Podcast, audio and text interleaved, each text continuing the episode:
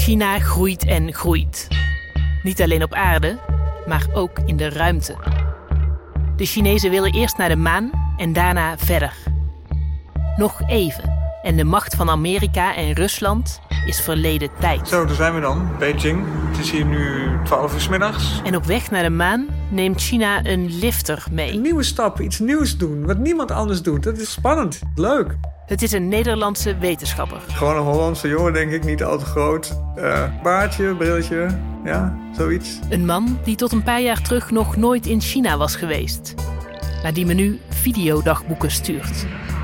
Vanaf de douane in Beijing. We gaan nu proberen om uh, alle spulletjes mee te krijgen het land in. Vanuit de laboratoria van de Chinese ruimtevaartorganisatie. We hadden wat ingewikkelde discussies, vooral in het Chinees, dus voor ons moeilijk te volgen. Hij is sterrenkundige en hij wil weten wat er gebeurde net na de oerknal. Het wordt ook de Holy Grail of Cosmology genoemd. Maar samenwerken met China blijkt niet eenvoudig. Wij passen ons continu aan aan wat zij willen. We hebben geen foto om op te staan natuurlijk. En als zij zeggen dan maar niet, ja, dan gaan we niet mee.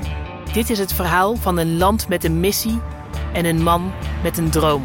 Ons testrapport is volgens mij gemanipuleerd uh, om ons onder druk te zetten.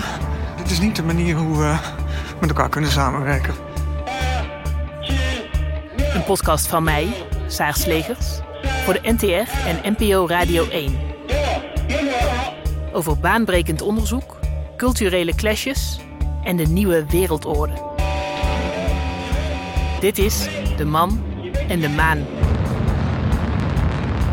Nu in je podcast-app en op ntr.nl slash De Man en de Maan.